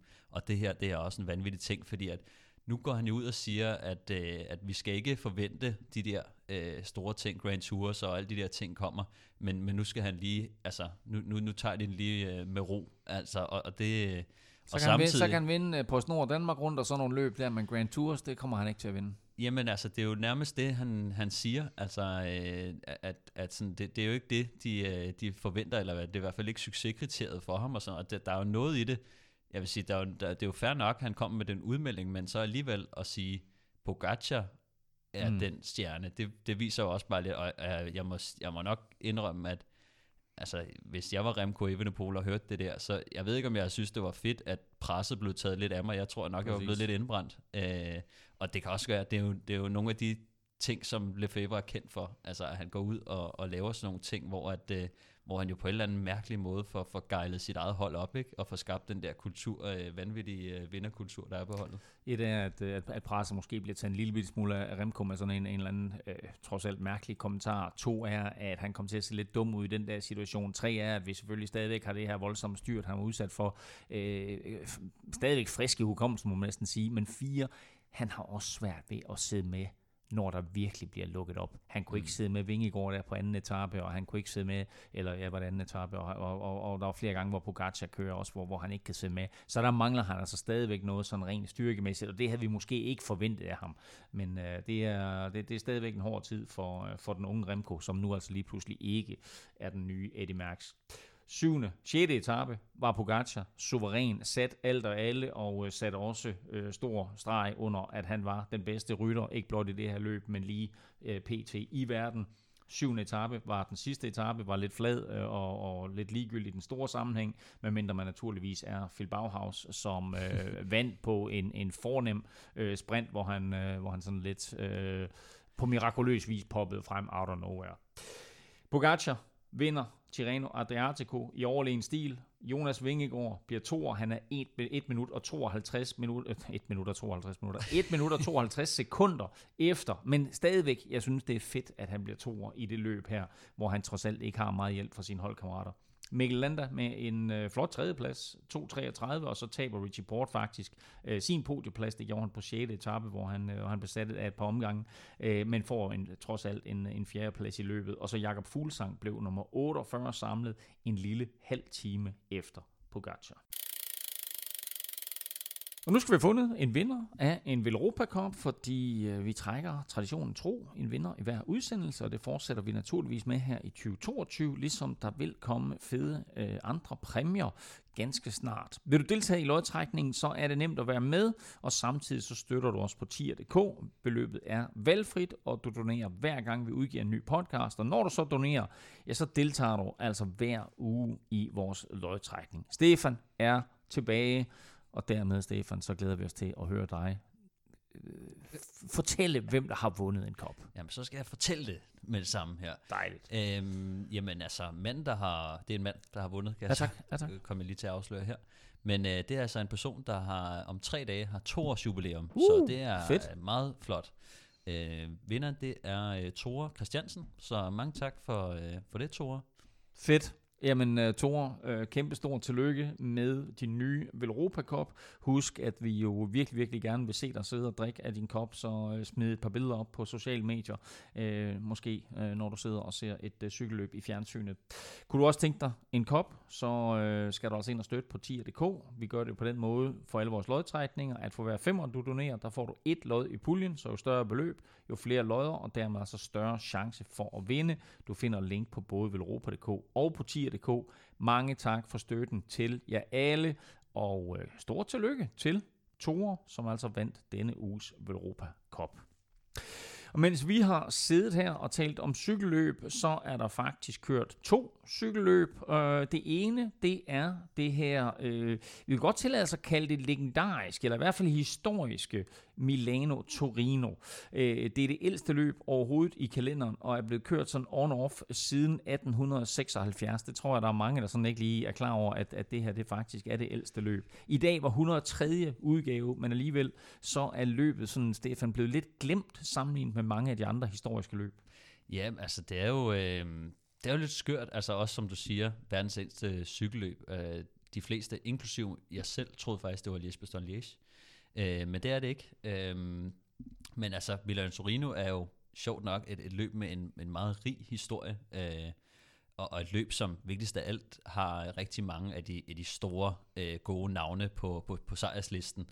Øh, altså det går helt tilbage til Costante Girardenko, som, øh, som jeg ikke har set øh, køre cykelløb, fordi det var så, det er jo... Nej, jeg kan godt huske ham. det kan godt være, at det er dig og Kim, øh, men øh, ej, det, der skal vi nok tilbage i, i 1920'erne, øh, 30'erne måske. Men øh, Francesco Moser, Roger de Flaming, Gianni Bugno, og endda også en dansker, Rolf Sørensen, øh, på, på sejrslisten. Men Altså historisk set, så, øh, så har løbet faktisk øh, haft lidt svært ved at øh, finde ud af, øh, hvad det skal. Øh, i, I gamle dage, så det er jo fra, som, som man siger, det er fra Milano til Torino, øh, men ruten øh, har, har blevet lavet, lavet, lavet lidt om øh, undervejs. Øh, samtidig så har de også haft øh, nogle, nogle økonomiske problemer, som har gjort, at, at øh, eller det har ført til nogle, øh, nogle aflysninger. Øh, nu har de jo så for, eller nu, øh, for omkring 30 år siden, øh, så, øh, så, så lavede de lidt om i løbet, flyttede det til, øh, til sidst på, på kalenderen. Øh, i, i, I oktober har det været kørt som sådan en optag til Lombardiet rundt, hvor de så har gjort løbet mere udfordrende. Øh, og det vil sige, de, de har jo kørt den her, i de senere år i hvert fald, har de, har de sluttet af med sådan en dobbeltopstigning af, af Superga, øh, som er en, en meget en underholdende stigning egentlig. Øh, Øh, men, men nu har de så altså valgt at flytte løbet tilbage til øh, rødderne, kan man sige. Øh, de, øh, de har flyttet tilbage til lige inden øh, Milano Sanremo, og det har de kunne gøre, fordi at øh, Tirreno Adriatico er jo simpelthen flyttet sig lidt tidligere på sæsonen, så der er lige åbnet sig et, et spot, og det har så gjort, at, øh, at, de, at de har prøvet at flytte løbet tilbage, og nu i stedet for at køre øh, et, et kan man sige, udfordrende bjergløb, som de har gjort øh, øh, i de sidste mange år, så, øh, så kører de altså tilbage og kører et helt fladt løb, som egentlig skal leder til at skal være et optagsløb til, til Milano Sanremo, men desværre i år øh, har, har det ikke haft den samme, øh, altså det har ikke været det her optagsløb til, til Milano Sanremo, fordi at de store stjerner har ikke valgt at køre løbet, øh, og det kan måske også godt skyldes, at der er så mange, der har været syge her øh, i Tirreno Adriatico og Paris-Nice, men af den ene eller anden årsag, så, øh, så har de ikke øh, så er det ikke rigtig øh, blevet det her optagsløb. Men også det her med, at, at, at, at det både i 2020 og i år øh, pludselig er blevet en flad. Altså ikke helt pandekageflad, men trods alt er blevet fladere, og de der to øh, store stigninger, som normalt har været med i Milan Torino, de er blevet pillet ud. Og derfor så så vi for eksempel også, at, at øh, sidste år der vandt Roglic, mm. men forrige år der vandt Demar. Og i dag der får vi også en sprintervinder, ham kan vi komme tilbage til lige om lidt. Men altså jeg tror at hvis de vil, hvis de vil betragte sig selv som et opvarmningsløb til mm øh, til Milano Sanremo. Skal der så ikke være de der knolde på til sidst? Jo, altså jeg vil også sige, at, øh, at man skal jo lave noget, der minder lidt om. Altså, øh, så skal man lave en, en Milano Sanremo Light, eller et eller andet, altså noget, der minder om det. Og det er jo det, er jo det der jeg synes, der er sjovt ved et, ved et så traditionsbundet cykelløb, at man faktisk har haft svært ved at finde den rette plads på kalenderen og den rette rute. Altså vi ved jo, at øh, Flandern rundt, øh, det er jo ret meget det samme opskrift. Det kan godt være, at der er et par stigninger, der ændrer sig lidt, øh, men, men altså primært så er opskriften det samme. Det samme i, i Paris-Roubaix. Øh, det, det, det er sådan lidt det samme med de her øh, liège bastogne liège løb altså sådan opskriften er der, det kan godt være, der bliver ændret lidt øh, hister her, øh, og på, på, på antal kilometer osv., men, men altså det, det der, jeg synes, der er lidt, lidt mærkeligt ved Milano Torino, og, og jeg synes, den fejler lidt i år, fordi at de nu prøver at lægge den som, øh, som et optagsløb, og så får de ikke øh, de ryttere, der skal til, øh, og det ender med at blive en, en, en, en sådan, kan man sige, ret flad dag, hvor, hvor det bare ender i, i, i en spurt, ikke? Og, og det, det ærger mig egentlig lidt. Jeg, jeg sidder og tænker, nu de snakker om, at de, de skal ligesom vende tilbage til, til, til sådan løbet egentlig oprindeligt var. Men, men jeg sidder og tænker, at det er nok mere øh, fordi, at øh, de, det er kommersielle og økonomiske årsager, de gør det, fordi at altså, der er lidt mere, øh, der er måske lidt mere tv-tid øh, op til, og lidt mere hype omkring cykelløbene i, på den her side af kalenderen. I mm. oktober mm. er der måske dalet lidt med, øh, med, med tv-serier, og så, så tænkte jeg også på, at nu ligger vi så tæt på, på Milano Sanremo, at mange af de samme folk øh, kan, kan ligesom være der til, til for eksempel opsætning af cykelløb og arrangere selve cykelløbet. Der kan de sådan ret meget kombinere øh, to Milano Torino og, og Milano Sanremo, som jo, de jo begge løb er, er lavet af RCS Sport. Øh, så, så for mig at se, er det mere den der altså økonomiske beslutning, de, de har truffet her, og, og håb om, at, at løbet kan blomstre lidt, øh, lidt mere op nu. Der manglede en, en helt del rytter, som vi får at se på lørdag i, i Milano øh, Sanremo. Til gengæld så var der, og jeg sagde det lidt i starten, sådan lidt dansk succes i dag, fordi løbet blev nemlig vundet af Mark Cavendish, og det gjorde han Stefan øh, efter et fornemt lead-out igen igen af Michael Mørkøv. Jamen, det var helt vanvittigt. Altså, øh, det var jo faktisk en lidt, øh, der blev åbnet lidt op for gassen, og, øh, og der, der var sådan, man kan se, øh, Total Energy, de, øh, de sad og førte meget for, for Peter Sagan, og, og så kom øh, Kofidis, nej, øh, undskyld, Akira Samsik, øh, faktisk øh, lidt frem, men, men gik, gik lidt død på, på gassen. Øh, og så, øh, som, øh, hvad hedder det, som hvad hedder det, ud af næske. Trold ud af næske hedder trold ud af næske, ja. Som trold ud af næske kom uh, Michael Mørkøv endnu en gang uh, på det helt rigtige tidspunkt med Cavendish på jul og kører masser frem uh, til, til sejren her. Og noget opsigtsvækkende synes jeg, at uh, Mørkøv, han kørte æder med stærkt. Han kørte faktisk så stærkt, at Cavendish havde svært ved at gå forbi ham. Uh, og jeg tror, at Mørkøv han ender også uh, på, en, på en fornem syvende plads, fordi at han kunne altså godt se, uh, Cavendish, han har faktisk problemer ved at gå forbi, Øh, så når han kommer til det punkt, så, øh, så kan man godt se, så tænker han, nu tager jeg skulle lige, øh, nu tager jeg skulle lige en, en god placering med, med mig hjem, fordi at, øh, han, har, han har gjort et rigtig godt stykke arbejde, øh, og Cavendish er gået forbi ham, så, øh, så er der egentlig bare fri leg øh, derfra. Så øh, Cavendish nappede altså endnu en øh, sejr til øh, sit fornemme cykel-CV, og endnu en gang, der var det altså på flot forarbejde af Michael Mørkøv, og den krammer, som Michael Mørkøv han fik i målområdet bagefter, den sagde også alt om, hvor, hvor prisværdig Mark Cavendish han var for, for Michael Mørkøvs arbejde. Nummer to blev øh, den, øh, den franske rytter, Nasser Bouani, og så blev norske Alexander Kristoff nummer tre, og som du sagde, Stefan, så altså øh, fortsatte Michael Mørker med at spurte efter, at han ligesom havde afleveret Cavendish, og dermed så blev han altså nummer syv. Der er også blevet kørt et andet løb i dag, og det er faktisk lige slut her, mens det er sådan, at vi har siddet og optaget, nemlig en Nokro-kurs i Belgien. Masser af brosten, øh, passer sådan perfekt til, til, til det belgiske forår her. Har du kørt løbet? Øh, desværre ikke. Jeg kunne godt tænke mig at køre ja. det, men... Øh det... Også et øh, historisk løb. Øh, det var øh, udgave 76 i dag øh, af det her belgiske brostensløb, øh, og med undtagelse af fire år, øh, blandt andet corona over 2020, så er det faktisk kørt hvert år siden 1944. Øh, vi havde flere danskere til start, blandt andet to OL-medaljevinder i form af Lasse Normand og Julius Johansen, men det blev Tim Malier, som øh, vandt løbet, Stefan.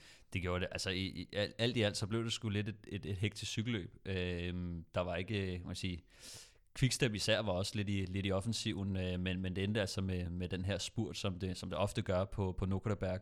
Øh, og der var det altså Tim Malier, der åbner en spurt, øh, som, som altså, vi har set ham gøre nogle gange, men det her det er så vanvittigt. Han åbner sin spurt med, med 300 meter igen, og, øh, og, og bakken her op ad Nukuderberg, øh, den er cirka også øh, 300 meter lang øh, på brosten, øh, og den tager han altså bare fra, fra bund til top, og, og det er jo altså det, vi begynder at kende ham på, de her vanvittigt lange spurter øh, dem, dem kan han altså bare finde ud af. Øh, så, så der var ikke rigtig nogen, der, der var i nærheden af ham på dagen som du siger, Timalier altså vinder. Det var han foran Max Walscheid, og så med øh, belgiske Arnaud Delis fra Lotto Sudal på tredjepladsen. Og så har kvinderne faktisk også kørt i dag, og øh, det gjorde de øh, altså nok og kors, og øh, øh, det var med to danskere til start, øh, og vel at mærke vores øh, sølvduo fra OL, nemlig Amalie Didriksen og Julie Let. Julie var involveret i et ret dramatisk styrt, hvor en rytter fik fanget cyklen om brosten, og så nærmest kørt på tværs af feltet, og bare mejede alt ned, hvad der var i hendes vej, inklusiv altså Julie. Og øh, Amalie blev vist angiveligt fanget bag ved det styrt, så de to danskere, de var øh, ude af den øh, store sammenhæng. Til gengæld så fik vi altså et, et løb, Stefan, hvor vi så en af de hurtigste kvinder overhovedet på, øh, i, i, i kvindernes øh, World Tour øh, vinde det her løb. Ja, men altså, det er Lorena øh, Lorena Vibes, som, øh, som altså bare er øh, i, i virkelig, virkelig stor form lige nu. Hun er, det var tredje løb på, på stribe, hun har vundet. Øh, og, øh, og den her spurt, hun, hun, hun fyrer af her, den, den var altså bare overlegen. Der var ikke nogen, der kom i nærheden. Og, øh, og det var altså med Lotte Kopecki øh, på andenpladsen, som, som altså også øh, har været i stor form med, med, med sejren i, i Strade Bianche, øh, som hun netop har fået. Men, øh, men, men, men her, der var hun altså ikke øh, helt hurtig nok. Så øh, Lorena Vibes øh, nummer 1, Lotte Kopecky 2 og Marta Bastianelli 3, øh, Clara Consoni øh, så ind som nummer 4, så fire af de aller, aller hurtigste kvinder, øh, altså ind som 1, 2, 3, 4, der skal det lige siges med det samme, at Emma Norsgaard ikke var med. Jeg er medlem, fordi Zetland udfordrer mig, kommer med nogle nye vinkler på tingene. Jeg synes, at det er vigtigt, at man også øh, betaler for at, at få noget ordentlig journalistik. Jo jo, det kan godt være, at 2020 og 2021 var hårdere at komme igennem, men 2022 har ligesom sagt, hold my beer. Øh, og vil du følge med i det hele, så er vi glade for, at nyhedstjenesten Zetland er med som partner igen, støtter os og giver dig et super fedt tilbud. To måneder for 50 kroner. Du finder tilbuddet på zland.dk-velropa. Og var du en af dem, der ikke kom med på Zetland-vognen sidste år, så er det et helt perfekt tidspunkt nu. Der er nemlig øh, nyheder serveret lige ind i din øregang, som du kan lytte til på cyklen, på gåturen, når du vasker op, eller du bare gerne vil have en pause fra alt muligt andet, der, der foregår. Og man kan jo ikke sige, Stefan, at øh, nyhedsbilledet det er kedeligt for tiden. Nej, det er, øh, det er lidt crazy, øh, de tider, vi lever i lige nu, øh, med ja, altså, krigen i, øh, i Europa. Øh, jeg har blandt andet læst en, øh, en, en ret interessant artikel, synes jeg, som, som Zetland har, øh, som simpelthen handler om den stillhed, der er fra Kina i øjeblikket.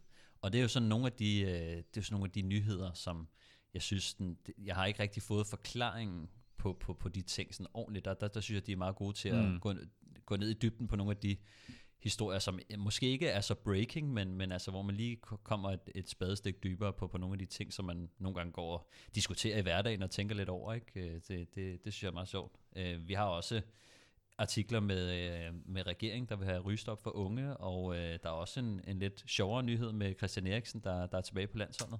Ikke, altså, og, og det, det er bare for at, at, at, at sige også, de har alt, ikke? altså på en eller anden måde. Ikke? Der, er, der er de, de glade nyheder, der er også de lidt tunge nyheder, og så som du siger, ikke, du har læst en artikel, man kan både læse artikler, og man kan lytte til dem, hvad man øh, end har præference for.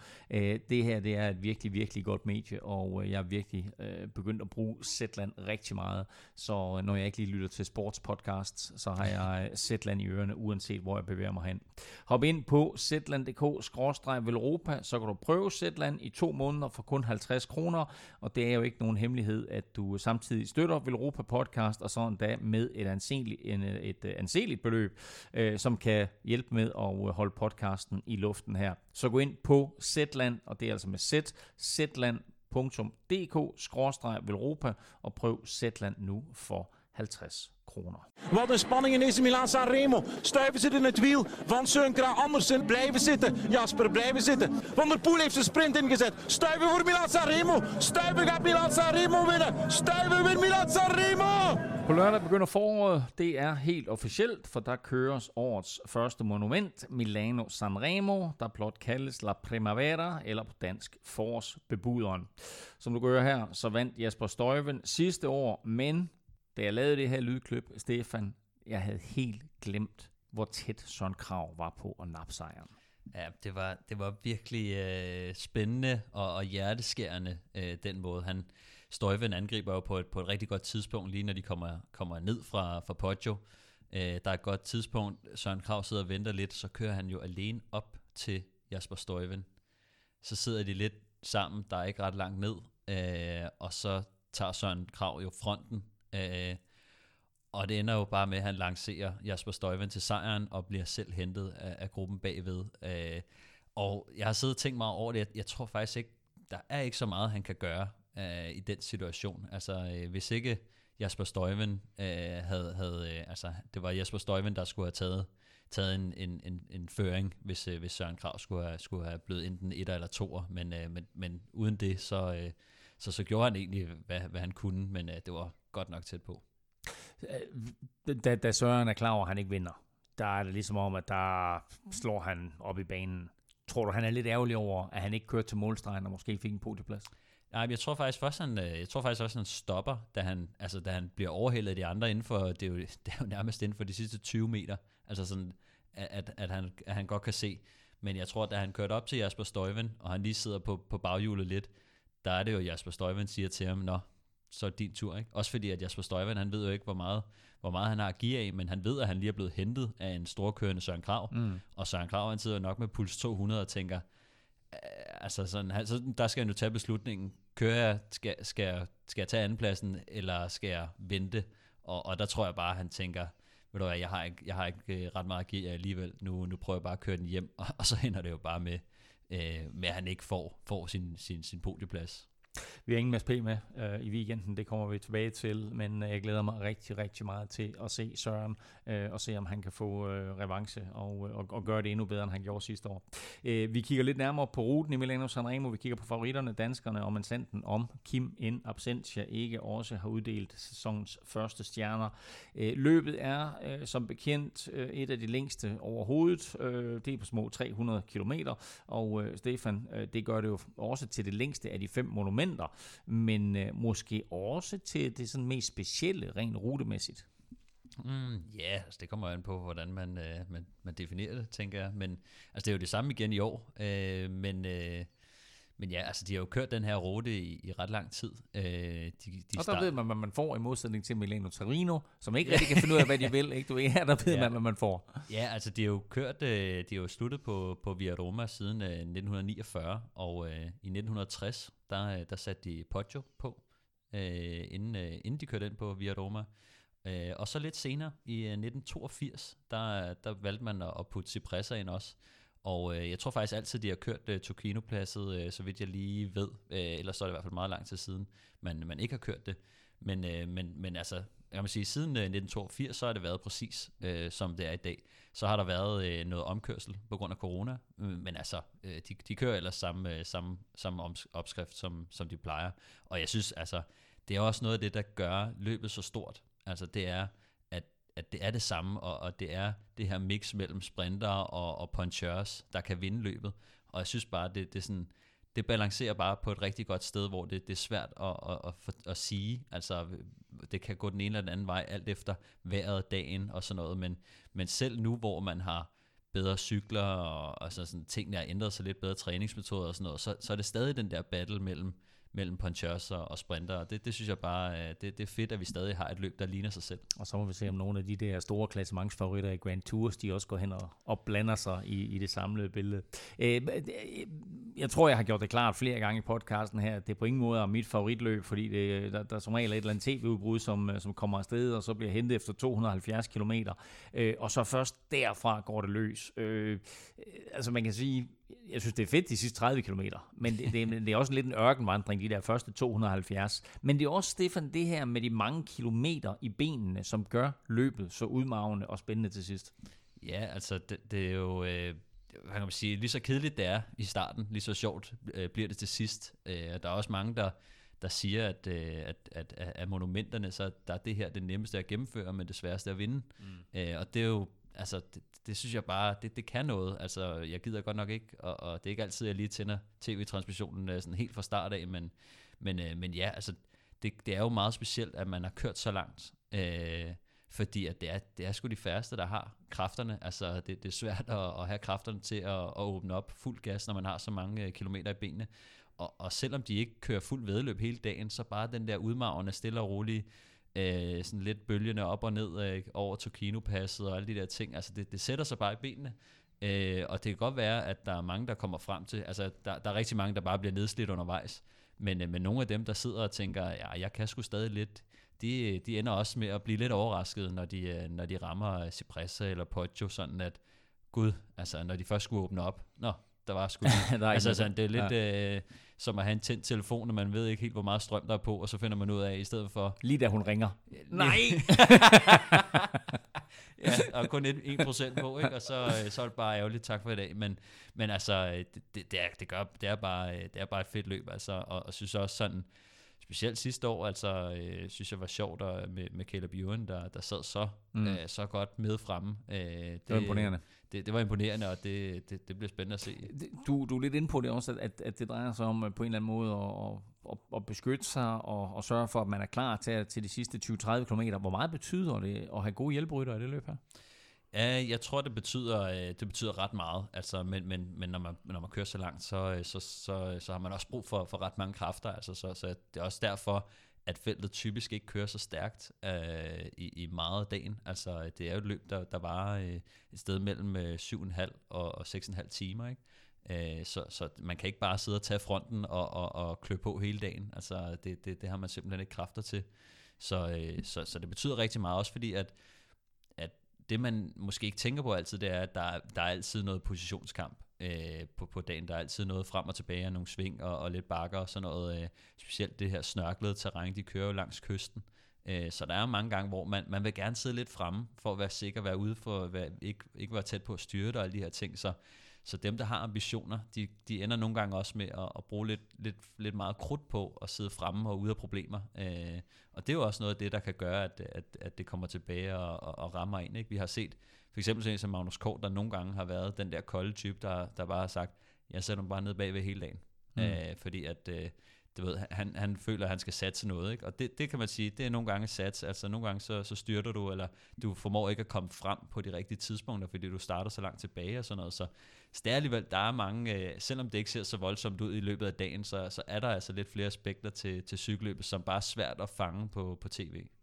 Kort er styrtet, og som øh, du hørte tidligere i podcasten her, så altså ude af Milano Sanremo. Mads Pedersen er i topform. Han, er topform. han har bestemt sig for ikke at køre. Mathias Norsgaard, der var på 250 km togt sidste år, er blevet syg. Han kører heller ikke. Så øh, hvad er vi efterhånden nede på øh, af, af danskere, og hvad skal vi forvente af dem? Jamen, øh, jeg tror nu, hvor at øh, Alaphilippe, han, øh, han ikke skal køre, så, øh, så tror jeg, at Askren måske øh, kunne, kunne få en, øh, en, en lidt og mere... det er lige med dertil, og nu, nu, det kommer måske som breaking for nogen, men Alaphilippe har fået bronkitis øh, og er syg og dermed ude. Så Ja. han stiller altså ikke op. Hvad griner du af? At, at, at du kalder breaking news i, i podcasten? Nå, jamen altså, jeg ved godt, at i det øjeblik, man hører det, så er det nok ikke breaking længere. Men altså, jeg kan fortælle dig, at lige om lidt, så skal du høre et interview med Kim. Så, og der er det i hvert fald breaking news for ham. okay. Ja, så er det derfor. Øh, nej, men jeg, jeg, øh, jeg ved, at øh, altså, vi ved, at Søren Krav skal køre, øh, Kasper Askren skal køre, øh, og, øh, og, og vi har ikke sådan den endelige øh, startliste. Øh, Mathias Norsgaard er så desværre blevet, blevet pillet af, og, og Kort også af, og Mads P. har valgt at stå, stå over og sådan noget, men Mikkel Honoré er med i stedet for, med. øh, for, ja, i stedet for Alaphilippe. Ja, så, så jeg tænker, både, øh, både Mikkel Honoré og, og Askren, de, øh, de kunne måske godt stå til, til, en, til en pæn rolle. Jeg, jeg tænker, de kommer jo også med Florian Senechal og, og, og, og hvad hedder han, David Baller- Ballerini.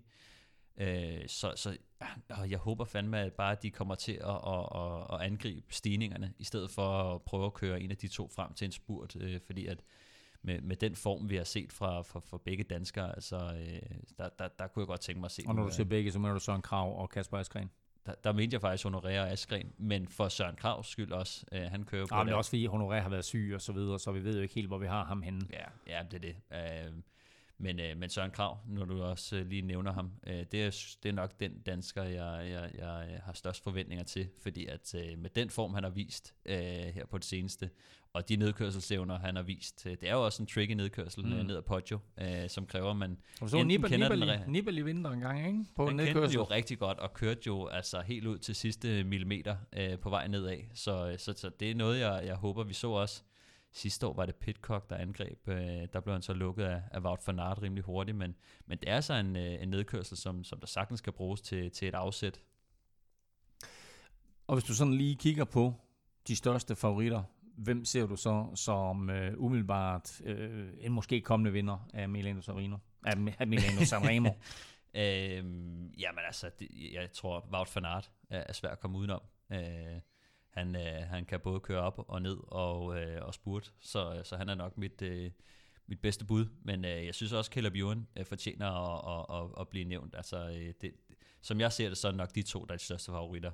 Øh, jeg sidder også og tænker, selvfølgelig Søren Krav, øh, Pogacar bliver spændende at se. Mm. Øh, og, og Tom Pitcock også. Øh, jeg, jeg, jeg selv sidder og kigger på mange af de her, mange af mine favoritter og store navne, de har jo været syge, og, og, altså, og der, der har jeg sådan ja. lidt, altså, de, Men hvad er, det, hvad er det, der rammer feltet i øjeblikket? Altså, vi talte lidt om det i forbindelse med Paris-Nice, det her, du, du kaldte det for Peloton Flu. Mm. Altså, hvorfor er det så voldsomt lige nu med så mange, der er syge? For jeg synes, det gælder danskere, og det gælder øh, alle store rytter, og nu ser vi, øh, eller Philippe og så videre. Altså, jeg synes aldrig, at vi har været i en situation her i slut marts, hvor at der er så mange, der er syge. Det her, det er forårsbebuderen. Vi burde ikke ja. gå og være syge lige nu. Jo, det er jo der, man typisk bliver syg jo. Okay, okay.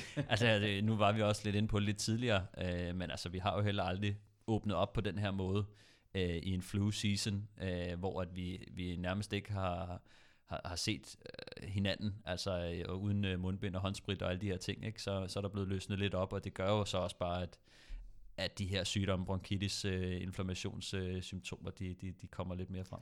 Så meget øh, altså fra øh, læge Stefan Djurhus. øh, nu skal vi til professor Kim, fordi øh, en absentia, der har han for første gang i år lavet sine stjerner, i hvert fald i første gang i podcast sammenhæng, lavet sine stjerner øh, fra 1 til 5, og vi lægger ud øh, med øh, bunden, og det vil sige outsiderne, som får en stjerne, og så bevæger vi os op mod de absolute favoritter, der får fem stjerner.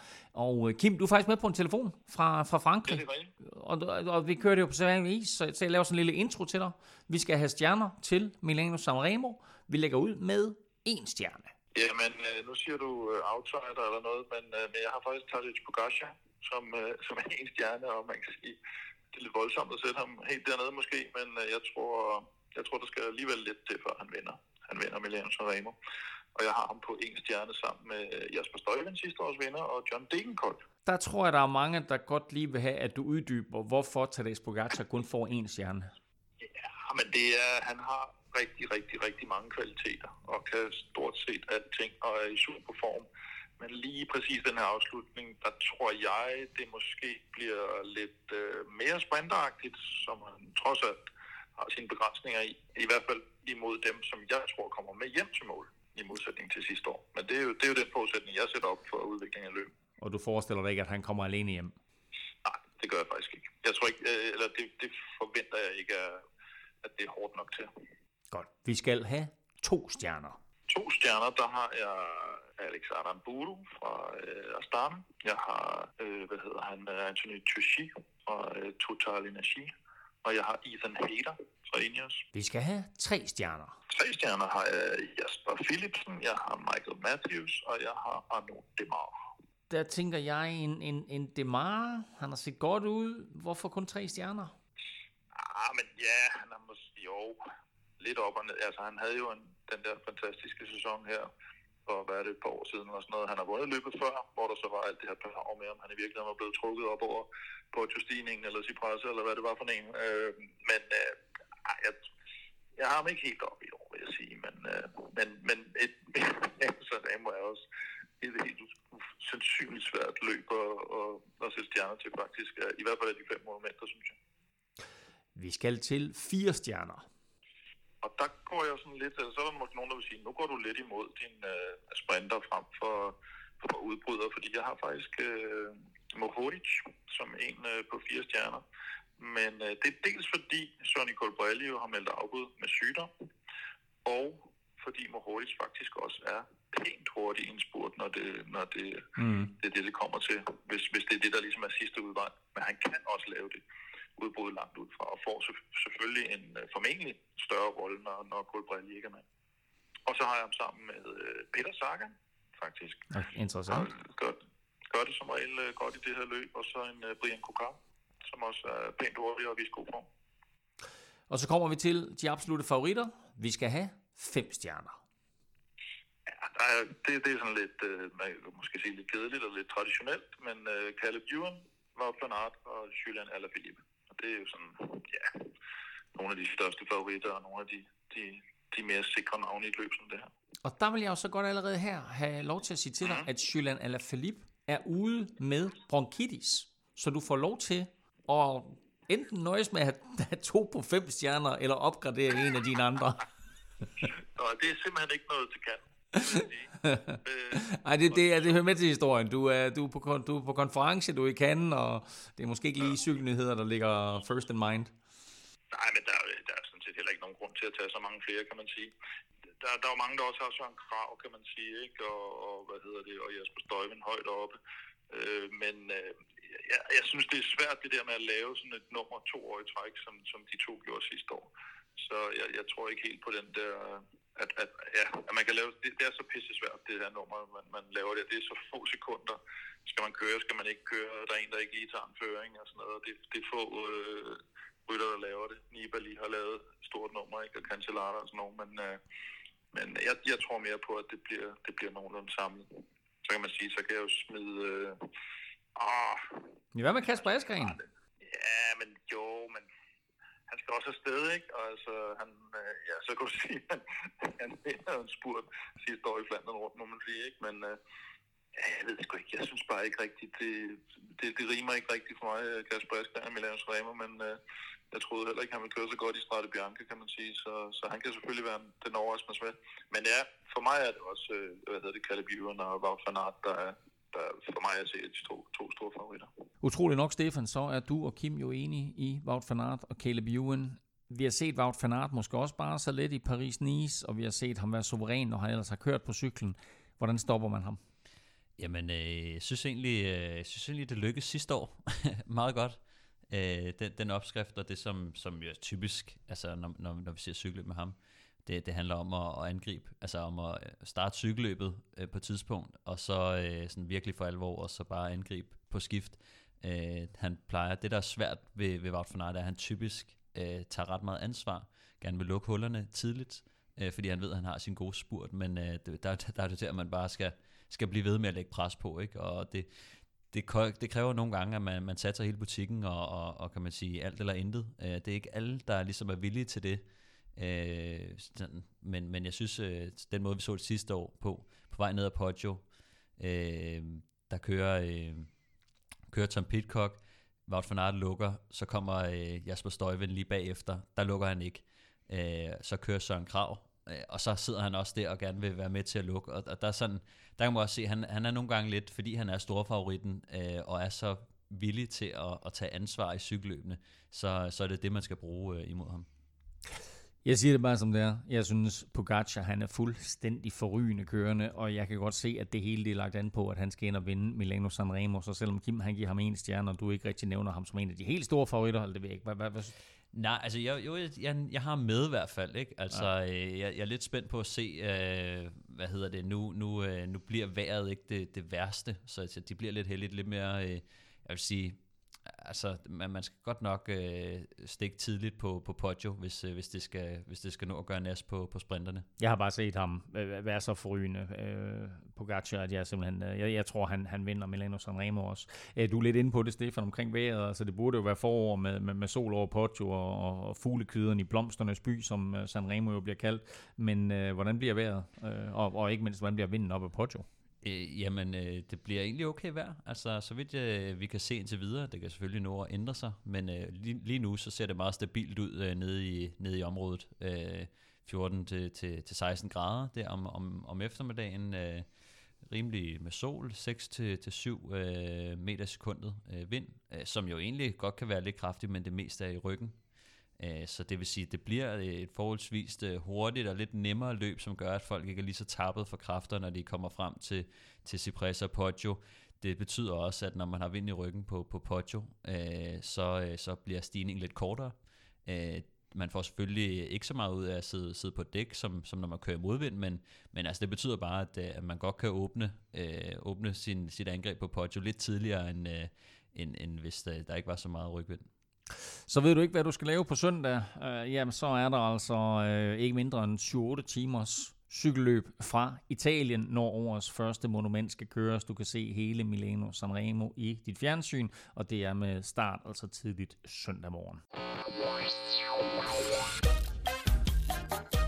Og nu skal vi så have afgørelsen på quizzen, og det er jo mig, der bliver quizzet i dag. Hvad var det, hvad var det, det, det spørgsmålet var? Det var noget med Milano Sanremo. Spørgsmålet var, ja, nu hvor at, uh, det, det, det har været belgisk sejr to år i, i streg, så, uh, så var spørgsmålet, hvornår var seneste gang ud over det, at, uh, at det var samme Og der var et point for vandt? nation, og der var et point for hver af rytterne, jeg kunne.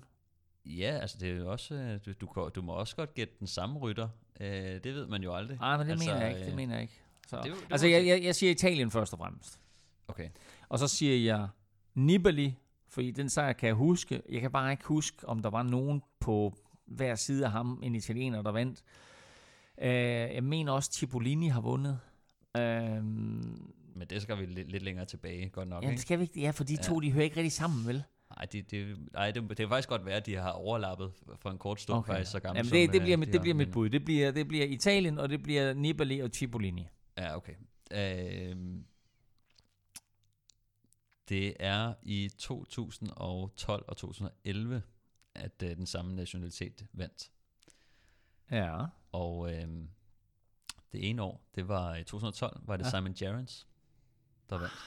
Og jeg synes faktisk, du selv har lagt en quiz op, hvor vi havde noget med det, med det at gøre. Det Eller tror også- jeg- det nej, tror jeg- faktisk, at han- nej, faktisk så, ved du hvad, jeg overvejede at spørge dig ind til øh, noget med tysk. Det er fordi, du har selv haft det spørgsmål.